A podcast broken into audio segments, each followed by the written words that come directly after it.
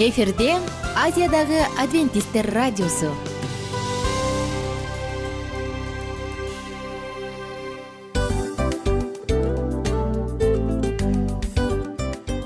Достор салют.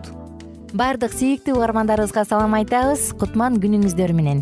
Ден соолук өмүрдүн булагы демекчи саламат саамы программасында баарыңыздарды көргөнүбүзгө абдан кубанычтабыз. Анда алгач амандашып өтөлү арбаңыздар деп. Ден соолугуңуздар кандай элибизде көбүнчө ден соолук кандай дегенде эле жакшы деп жооп беребиз э? ооруп турсак дагы жакшы дейбиз. Анан мен муну айтып ойлойт элем бул абдан сонун сөз депчи анткени бул жакшы деген үмүт да э баары жакшы болот. Баары сонун. Деп үмүттөнүп атып эле өзүбүздү өзүбүз дарылап коебуз. Анысы кандай? Сиздин дагы ден соолугуңуз жакшы беш деген үмүттөбүз чындыгында ден соолук бул өмүрдүн булагы деп бекеринен айтылган эмес деп ойлойм. Кыргыз элинде анткени эгерде ден соолук жок болсо анда адамдын жашоосунда калган баардык керектүү маңыздуу нерселер өзүнүн баалуулугун жоготуп коет. Ошондуктан ден соолук бул эң керектүү нерсе. Ооба туура айтасың кесиптешим. Чынында ден соолугуң жок бир эки үч күн ооруп калсаң эле э кандай болуп калат? Жашоодо көз каранды болуп каласың көп нерсеге жетишпей каласың көп нерсени кыла албай каласың жада калса эшикке дүкөнгө да чыга албай каласың. Туптуура анан ден соолук болсо демек биз биздин бактыбыз тоодой деп койсок болот. Анда достор саламат саамы рубрикабызды баштайлы. Алдыда өзүңүзгө керектүү болгон сонун кеңештерди уга аласыздар. Мына ошондуктан биз менен бирге болуңуздар. Ал эми биз болсо милан жана айнура. Кеттик алга. Алга саламат саама ден соолуктун жарчысы. Саламат саама ден соолуктун ачкычы. Күн сайын сиз үчүн мыкты кеңештер сонун жаңылыктар кызыктуу фактылар. Биздин рубрикада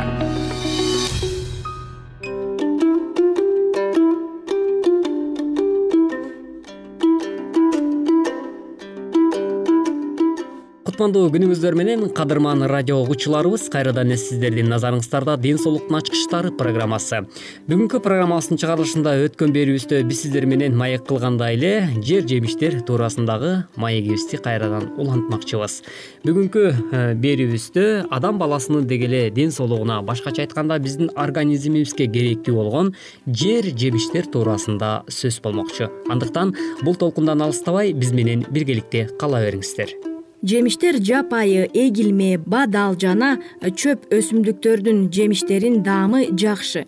Тамак сиңиртүү жакшыртуучу витамин клетчатка кант органикалык кислота жана пектин заттары бай ичегиде чиринди заттарды бөлүп чыгарууга жардам берүүчү пектин заты жемиштердин клетчаткага тамак сиңирүү органдардын мотордук жана секрет иштеп чыгуу функциясына таасир этип организмден ашык холестериндин бөлүнүшүнө жардам берет. Органикалык кислоталардан алма кислотасы баардык жерде болот. Клюквада лимон кислотасы жүзүмдө шарап кислотасы бензол кислотасы брусникада клюквада көп кездешет. Жемиштерде танин менен катехин бар танин ичеги былжыр челинин сезгенишине каршы таасир тийгизет. Катехин п витаминин касиетке ээ с витамини менен бирге кан тамырлардын капталынын бышыктыгын арттырат. Жемиштердин составында суу көп болгондуктан тез бөлүнөт. Жемиштерди сактоодо кыям компот кургатылган жана башкалар болот. Составында биологиялык баалуу заттар өзгөчө витаминдери азаят жемиштерди тез тоңдуруу кургатуу менен баалуу касиеттерди көбүрөөк сактоого болот. Мындан сырткары мөмөлөр дагы кирет. Мөмөлөр уруктар данектүү цитрустар орто жер деңиздик жана субтропикалык болуп бөлүнөт. Уруктууларга алма алмурут айва четиндин ашы долоно немис мушмула люквалар кирет данектүүлөргө болсо абрикос алча гиляс өрүк шабдалы алча кара өрүк кирет. Цитрустарга болсо апельсин грейпфрут лайм бергамот помелла клемантин мандарин лимон банан. Орто жер деңиздик жана субтропикалык жемиштер бул курма анар анжир кирет. Мөмөлөр рационду байытат. Анда башка тамак аш азыктарынан болбогон организмге керектүү заттар бар мөмөлөр витаминдүүлүгү органикалык кислоталардын көптүгү менен баалуу. Анда түрдүү минерал пиктин жана өңдөгүч заттар болот. Мөмөдөгү органикалык кислоталар мисалга лимон алма кислоталары жана башкалар. Организмдеги кислота жегич тең салмактууну сактайт. Органикалык кислоталар лимондо кара өрүктө чиеде абрикосто көп болот. Мөмөлөрдө айрыкча абрикосто чиеде кара өрүктө алчада башка тамак ашта болбогон калий көп. Мисалы калий э, деп атпайбызбы калий бул э, биздин денебиздеги ашыкча сууну чыгарат эмеспизби мисалы кош бойлуу кезинде э, мөмө жемиштерди көп жесе ушул калий заты аялдын шишип кетпөөсүнө дагы жакшы өбөлгө түзөт ооба чындап эле кош бойлуу айымдарга дагы мөмө жемиштери өтө эле жакшы натыйжасын берет. Себеп дегенде баягы кичинекей курсакта түйүлдүктө жаткан наристеге дагы көптөгөн витаминдүү азыктарды жеткиргенге камсыз кылат эмеспи андыктан дал ушул кош бойлуу эжекелерибиз карындаштарыбыз жеңелерибиз дал ушул мөмөлөрдү көбүрөөк жей турган болсо анда абдан жакшы мыкты азык болуп саналат экен. Өрүктүн кагында калий өзгөчө сиңимдүү. Алмада абрикосто алмурутта шабдалыда темир туздары бар. Айва алмурут алма курма анар мөмөлөр танинге бай аларда тамак сиңирүүчү жакшыртуучу пектин заттары болот. Мөмөлөр балдардын тамагына мүнөздөп тамактанууда улгайгандар үчүн зарыл. Мөмөлөр кан айлануу бузулушуп шишип кеткендер атеросклероздо гипертонияда бөйрөк ооруларына калитте ич катканда сунуш кылынат. Айрым бөйрөк ооруларына ошондой эле семире баштаганда атайын мөмө желчү күндөр белгиленет мына ушинтип сиз дагы өзүңүздүн саламаттыгыңызды чыңдоо жаатында көбүрөөк мөмө жемиш азыктарын э, күнүмдүк жашооңузда жана тиричиликте э, колдоно турган болсоңуз анда саламаттыгыңызды чыңдаганга жардам берген болот экенсиз. Негизи эле биз э, баягы көп учурда эт азыктарын же болбосо сүт азыктарын майлуулугу көп калорияга ушунчалык бай азык түлүктөрдү көп колдонгон учурда деле мүмкүн ошого жараша жашылча өсүмдүктөрдү мөмөлүү азыктарды көбүрөөк колдоно турган болсок анда биздин саламаттыгыбызга эле эң жакшы пайдасын тийгизет экен. Мөмөлөрдү чийки жеген пайдалуу. Мөмөлөрдөн тамак аш даярдоодо андагы пайдалуу заттарды витаминдерди мүмкүн болушунча толук сактоого аракеттенүү керек. Мөмөлөрдөн компот жасоо үчүн аны кайнатаар алдында тазалап кесип кайнап жатканда сууга салып эзилтпей бышыруу зарыл мындан сырткары дагы кымбаттуу угармандарыбыз ушул э, жемиштер туурасындагы пикирибизде дагы мөмө жемиштер абдан көп эмеспи андыктан буларды дагы биз өзүнүн нормасында колдоно турган болсок анда саламаттыгыңызга кыйла эле жакшы э, жардамдарын тийгизген болот экен. Эгерде кээ бир мөмө жемиштерди ашыкча жей турган болсоңуз кандайдыр бир э, деңгээлде баягы өзүнүн нормасынан ашык мындай ыгы жок деп коет го ыгы жок эле жей берсеңиз дагы башка органдарыңыз терс таасирлерин дагы тийгизип калышы толугу менен ыктымал. Андыктан ушул кандай жеш керек баягы ар бир нерсенин өзүнүн ченемдүү жана мыйзамдуу көрүнүшү бар эмеспи ошого жараша ылайык э, жей турган болсоңуз анда бул абдан жакшы экен мисалга дагы мезгил мезгили менен жеш керек экен да. Мисалга кышында биз арбузду каяктан алабыз? Арбуз жок. Андыктан жайында арбузду жеген жакшы. Мисалы август айларында. Ооба жайында анан күзүндө айрыкча бул күз мезгилиндеги э, негизи азыктарды ошол эле жогоруда кесиптешим айткан арбуз азыгын дагы бул күзгү убакытта өзүнүн бышыкчылык убагында жеп калган болсоңуз анда бул сиздин денеңизге керектүү азык витаминдерди камдап берген болот экен.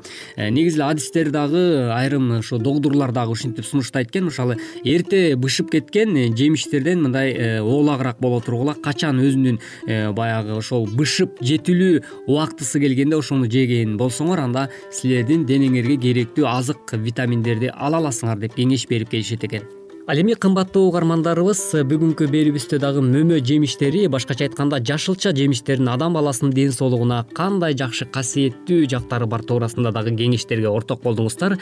Бүгүнкү программага назар салганыңыздар үчүн чоң рахмат. Кийинки берүүбүздө дал ушул толкундан кезиккенче сак саламатта калыңыздар деп бүгүнкү программабыздын көшөгөсүн жапмакчыбыз саламат саама ден соолуктун жарчысы. Саламат саама ден соолуктун ачкычы. Күн сайын сиз үчүн мыкты кеңештер сонун жаңылыктар кызыктуу фактылар биздин рубрикада.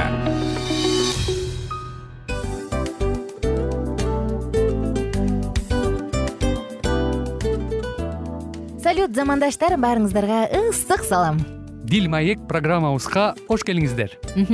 Дил маек рубрикасы дегенде эле бул эмне болгон дил маек ким менен маектешебиз деп сурайт болуш керек угармандарыбыз. Бул рубриканы кыскача тааныштыра кете турган болсок ар тарап кесип ээлеринен болгон сонун интервью кеңештер бар жылдыздар менен болгон маек бар аталарыбыздын агаларыбыздын чоң аталарыбыздан сонун кеңештер бар. Ошондой эле эже сиңдилердин кеңештери бар айтор. Баардык кызыктардын баары алдыда. Негизи эле адам баласы бир кимдир бирөөнө ишенип сырын ачкысы келет эмеспи э мындай баарлашууга жакын келебиз го. Албетте. Негизи бир жерге отуруп алып кенен шашпай баягы жүрөктөн жүрөккө ачып сырларыбызды ар кандай көйгөйлөрүбүз менен бөлүшүп баягы чын жүрөктөн маек курганды кимибиз сүйбөйбүз э? Ооба десең ал нерсеге суусап да келебиз да. Ооба кээ бирде адамга чындыгында баягы э, ысык маек баягы жылуу маек жетишпейт да. Ошондуктан биз ушул рубриканы ойлоп тапканыбызда эң биринчи эле достор сиздер менен чын жүрөктөн бир маңыздуу темаларды козгоп кеткени э, кааладык. Ошондуктан ушундай сонун бир рубриканы тартуулап жатабыз. Анын үстүнө радио дагы сонун дос да анткени э, мындай учурда досуңа айтсаң досуң досуна айтат досу досуна айтат да анан бүт өлкө билип калышы мүмкүн го. А радио болсо сени сатпаган сенин айыбыңды ачпаган сенин сырыңды эч кимге айтпаган сонун дос мына ошондуктан биздин алдыдагы айта турган кеңештерибизди биздин досторубуздун кеңештерин угуп анан ал жака пикириңизди дагы калтырып кайрадан биз менен байланышсаңыздар болот. Деги эле жашооңузга эгерде кичине болсо дагы өзгөрүү алып моралдык жактан нравовалык жактан сонун бир кеңештерди алсаңыз демек биз максатыбызга жеттик. Ооба. Чыңгыз атабыз улуу жазуучу э, чыңгыз айтматов айткандай адам болуу бул күнүмдүк процесс экен. Күн сайын адам бойдон калуу бул адамзатка эң эле кыйын дейт э? э эң кыйын дейт. Чындыгында бунун э, негизинде адамдын эң баягы сапаттуулугу адамдын э, адамгерчилиги жана көптөгөн керектүү нерселер. Мына ошол темалар дагы бизде ушул дил маекте биз аларды да козгойбуз. Ден соолук жөнүндө да сүйлөшөбүз. Сөзсүз түрдө анан милан мырза негизи айтып коюшат го. Биз көбүнчө эмнени ойлонсок? Ошол нерсеге карата иш кылабыз го. Ооба. Анан анысы кандай? Балким бул радио баракчада кимдир бирөөнүн оюн текшергенге жардам берет кимдир бирөөнүн жүрөгүн текшергенге жардам берет. Балким кимдир бирөөгө жашоонун маңызын тапканга жардам берер. Айтор кызыктын баары алдыда бул жөн гана кыскача жарнама анда угармандарыбыздын баардыгын кийинки рубрикабызга чакырабыз. Ал эми кызматта маңдайымда отурган кесиптешим милан жана мен айнура. Анда эмесе биз даярдаган терең терең ойлор менен таанышууга кеттик. Алыс алыс баралык.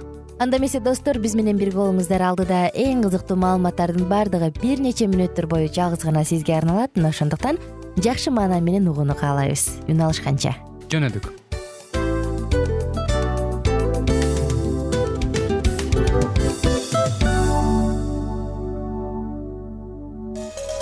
ар түрдүү ардактуу кесип ээлеринен алтын сөздөр жүрөк ачышкан сыр чачышкан сонун маек дил маек рубрикасында.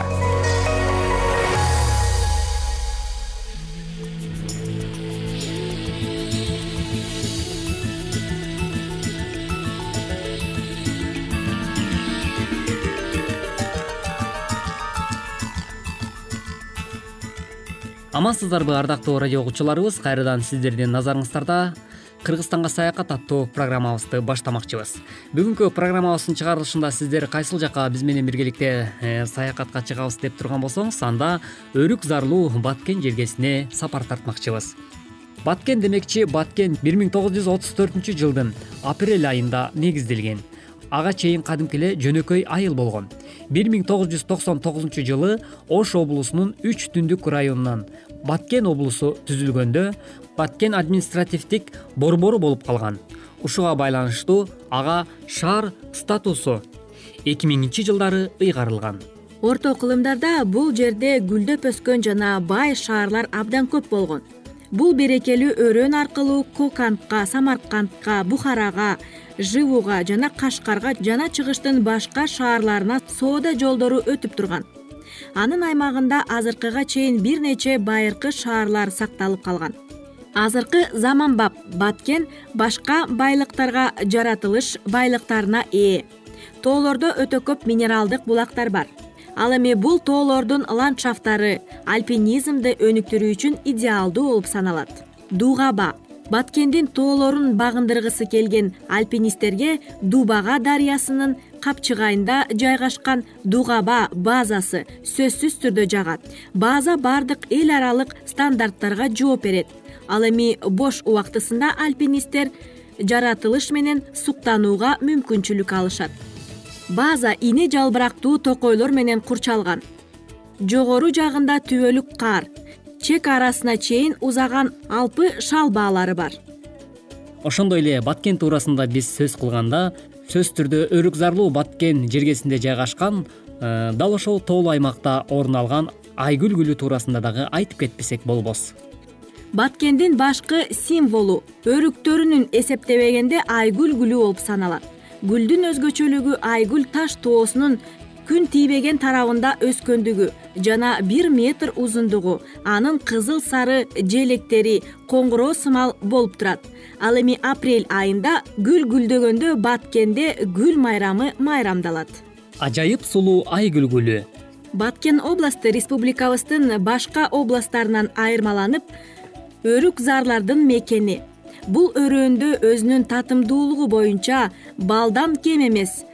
Асыл баалуу түркүн сорттордогу өрүктөрдүн даамы менен даңазаланып келет. Ал гана турсун дүйнөдө сейрек кездешкен айгүл гүлү да ушул областтын аймагынан орун алып келет. Эл арасында кеңири айтылып келген уламыштын маани маңызы төмөнгүчө илгери бул кара булак айылында бир бай жашаган экен. Анын ай чырайлуу айгүл аттуу кызы болгон. Өзүнүн наздыгы сулуулугу менен башкалардан айырмаланып адептүүлүгү жана эмгекчилдиги менен ата энесин кубанычка бөлөп келет. Айгүл бой тартып эрежеге жеткенде ай жамалы ачылып сулуу кызга айланып ошол эле айылдагы козулан деген баатыр эмгекчил жигитти сүйүп калат эки жаштын ата энеси да балдарынын купул сезимдерин байкап калышып билдирбестен той камын көрө башташат. Бирок каккаганга муштаган болуп бир бир ирет баскынчы душмандар менен болгон катуу кармашта козулан тарап жеңилип баатыр козулан багынып бергиси келбестен кашык каны калгыча салгылашып жатып каза болот. Жолдоштору анын жүрөгүн айылга алып келишет бул кайгылуу кабарды укканда ыйлаган бойдон дарыянын жээгине келип отурат. Сүйгөнү менен ушул дарыянын жээгинен таанышканын эске түшүрөт. Ал жерден үйүнө келип курбу кыздарын ээрчитип тоону көздөй жөнөйт. Тоого жетип курбу кыздар менен коштошот да өзүн бийик аскадан төмөн карай таштап жан берет. Ал аскадан таштын боорчугунан кыздын канына боелгон кочкул кызыл саргыч түстөгү өтө кооз гүл өсүп чыгат. Ал гүлдү айгүл гүлү деп. Кыз боюн таштаган асканы айгүл таш деп. Ал эми айгүл таштын бет маңдайындагы тоону козулан тоосу деп аташат. Баатыр жигит козуландын жүрөгү кыз менен кошо жерге жашырылат. Ошентип тирүүсүндө тагдырын буйруган насип этпеген бул эки жаштын тилеги тигил дүйнөдө биригип алардын каны канынан айгүл гүл жаралып калган экен. Ошондой эле айгүл гүлүнүн бир эки сөңгөгүндө беш алты айрымдарында жети сегиз кадимки коңгуроолорду элестеткен тааж улуу узун жалбырактуу кочкул кызыл сары түздөгү гүлдөр орун алып адамдарды өзүнө тартып турат. Азыр айгүл гүл тоосу корукка алынып андагы гүл сссрдин кызыл китебине бир миң тогуз жүз жетимиш сегизинчи жылы киргизилген айгүл гүлү баткен областынын кара булак кыштагында орун алган кымбаттуу радио каармандар бүгүнкү программабыздын чыгарылышында сиздер өзүңүздөргө маалым болгондой эле дал ушул өрүк зарлуу баткен жергесинен орун алган айгүл гүлү туурасында башкача айтканда биз баткен жергесине саякат жасап келдик. Бүгүнкү программабызга кулак төшөгөнүңүздөр үчүн дагы ыраазычылык билгизүү менен бизге бөлүнгөн убактыбыз да ушуну менен өз соңуна келип жетти.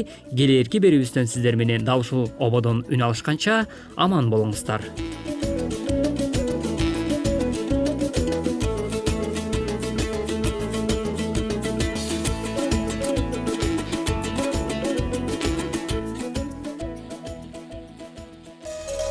ар түрдүү ардактуу кесип ээлеринен. Алтын сөздөр жүрөк ачышкан сыр чачышкан сонун маек. Дил маек рубрикасында.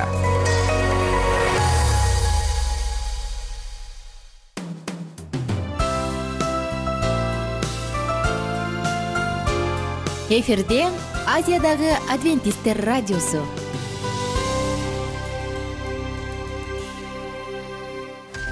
жан дүйнөңдү байыткан жүрөгүңдү азыктанткан жашооңо маңыз тартуулаган жан азык рубрикасы.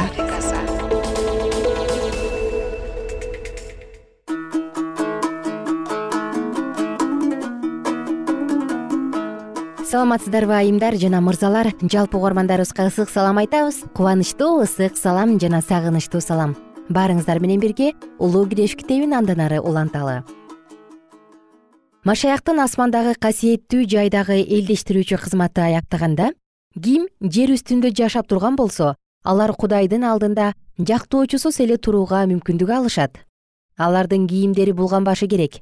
Алардын мүнөздөрү курмандыктын себилген каны менен күнөөдөн тазартылат. Кудайдын ырайымынын жана өз жасаган аракеттеринин жардамы менен жамандык менен болгон күрөштө алар жеңүүчүлөрдөн боло алышат асманда тергөө сөтү болуп жаткан мезгилде касиеттүү жайдан тобо келтирген күнөөкөрдүн күнөөлөрү алынып ташталат. Жана жер үстүндөгү кудай элинин ичинде күнөөлөрдү калтыруу жана тазалоо иштери жүргүзүлөт. Бул иш аян китебинде он төртүнчү бапта ачык көргөзүлгөн. Качан ушул иштер аягына чыкканда машаяктын жолдоочулары анын келишине даяр болушат? Ошондо байыркы күндөрдөгүдөй мурдагы кездердей иерусалим менен иуданын курмандыгы теңирге жыгат деп жазылат малахия китеби үчүнчү бап төртүнчү аятта. Ошондо теңир келгенде өзүнө алып кете турган жыйын тагы кемчилиги же ошого окшогон бирдемеси жок болот. Ошондо жыйын ай сыяктуу көрүнгөн күн сыяктуу бөлүнгөн таң жарыгы төгүлгөн коркунучтуу кошун үчүн туу көтөргөн жыйын болот малахия пайгамбардын китебинде теңирдин касиеттүү жайга келишинен тышкары анын экинчи келип сот жүргүзө тургандыгы дагы айтылат. Жана жазалаш үчүн мен силерге келем да сыйкырчыларды ойноштук кылып бузулгандарды анткор сүйлөп калп каргагандарды жалдаган адамдардын акысын кармагандарды жетим менен жесирлерге кысым көрсөткөндөрдү келгиндерди четтеткендерди жана менден коркпой дөөсүргөндөрдү ашкерелеп бетин ачам дейт ааламдын теңири. Малахия китеби үчүнчү бап бешинчи аят. Иуда дагы пайгамбарлык кылып мындай деген. Мына теңир өзүнүн көп миңдеген ыйык периштелери менен бардык адамдарды жазалаш үчүн жана бардык адилетсиз күнөөкөрлөрдүн анын үстүнө айткан катаал сөздөрдүн алардын ичиндеги бардык адилетсиздердин адилетсиз иштерин ашкере кылыш үчүн келе жатат. Жүйүт он төрт он беш теңирдин келиши менен анын өз касиеттүү жайына келиши эки башка окуяны билдирет. Даниил пайгамбардын китебинде жазылган. Машаяктын биздин улуу дин кызматчыбыз катары ыйыктардын ыйыгы бөлүмүнө тазалоо үчүн кириши биз окуган адам уулунун урматтуу карыяга барышы жана малахия пайгамбар аркылуу айтылган анын өз касиеттүү жайына кириши. Мунун бардыгы ыйса машаяк айткан он кыз жөнүндөгү үлгүлүү аңгемедеги күйөөнүн келиши жөнүндөгү кабарды маалымдайт. бир миң сегиз жүз кырк төртүнчү жылдын жазында жана күзүндө мына күйөө келе жатат деген кабар таратылган. Ошондо акылдуу жана акылсыз болуп адамдар эки топко бөлүнүшкөн. Бир тобу теңирдин келишин кубанычтуулук менен күтүшүп жана аны тосуп алууга ынталуулук менен даярданышты. Башкалары болсо убактылуу коркунучтун жана ачуулануунун айынан далилденген теорияга гана карашып кудайдын ырайымынан куру калышкан. Үлгүлүү аңгемеде качан күйөө келгенде даяр тургандары аны менен бирге үйлөнүү үлпөтүнө киришти. Бул жерде көргөзүлгөн күйөөнүн келиши үйлөнүү үлпөттүн алдында болуп жатат.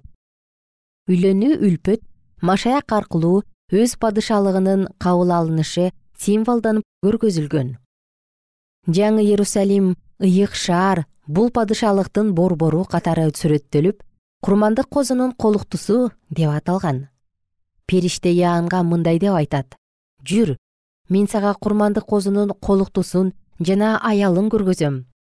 Жана мени рухунда улуу бийик тоого алып чыкты да асмандан кудайдан түшкөн улуу ылык ыйык иерусалим шаарын мага көргөздү дейт пайгамбар.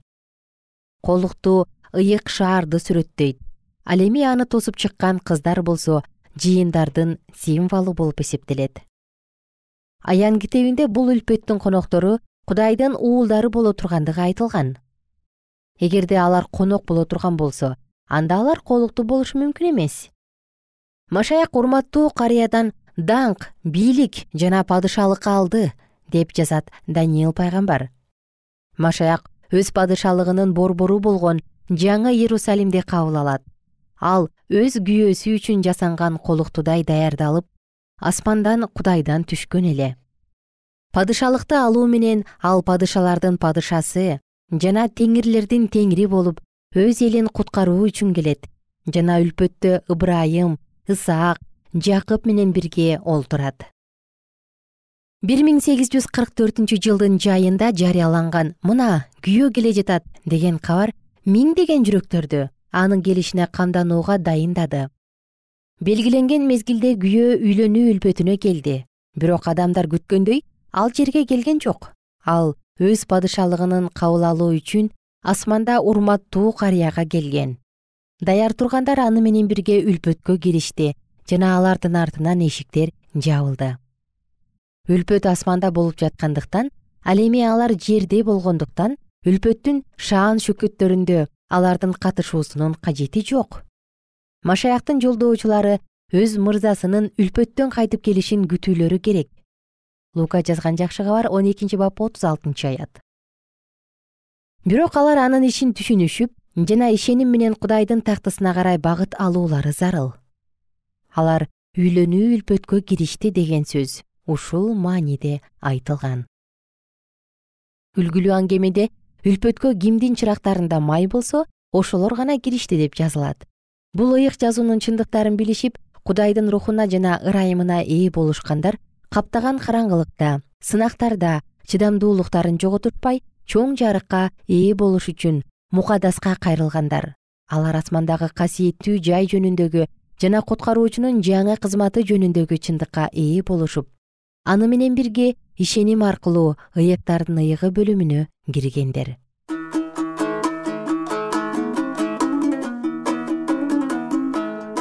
Кадырман замандаш сиздер менен бүгүн дагы улуу күрөш китебинен сонун үзүндү окуп өттүк.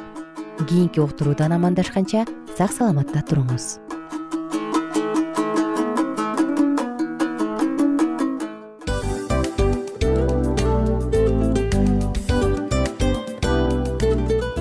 ушинтип убакыт дагы тез өтүп кетет экен биз дагы радио уктуруубуздун аягына келип жеттик. Келип кубандырдыңар эми кетип кубандыргыла деп тамашалап калышат эмеспи анысы кандай?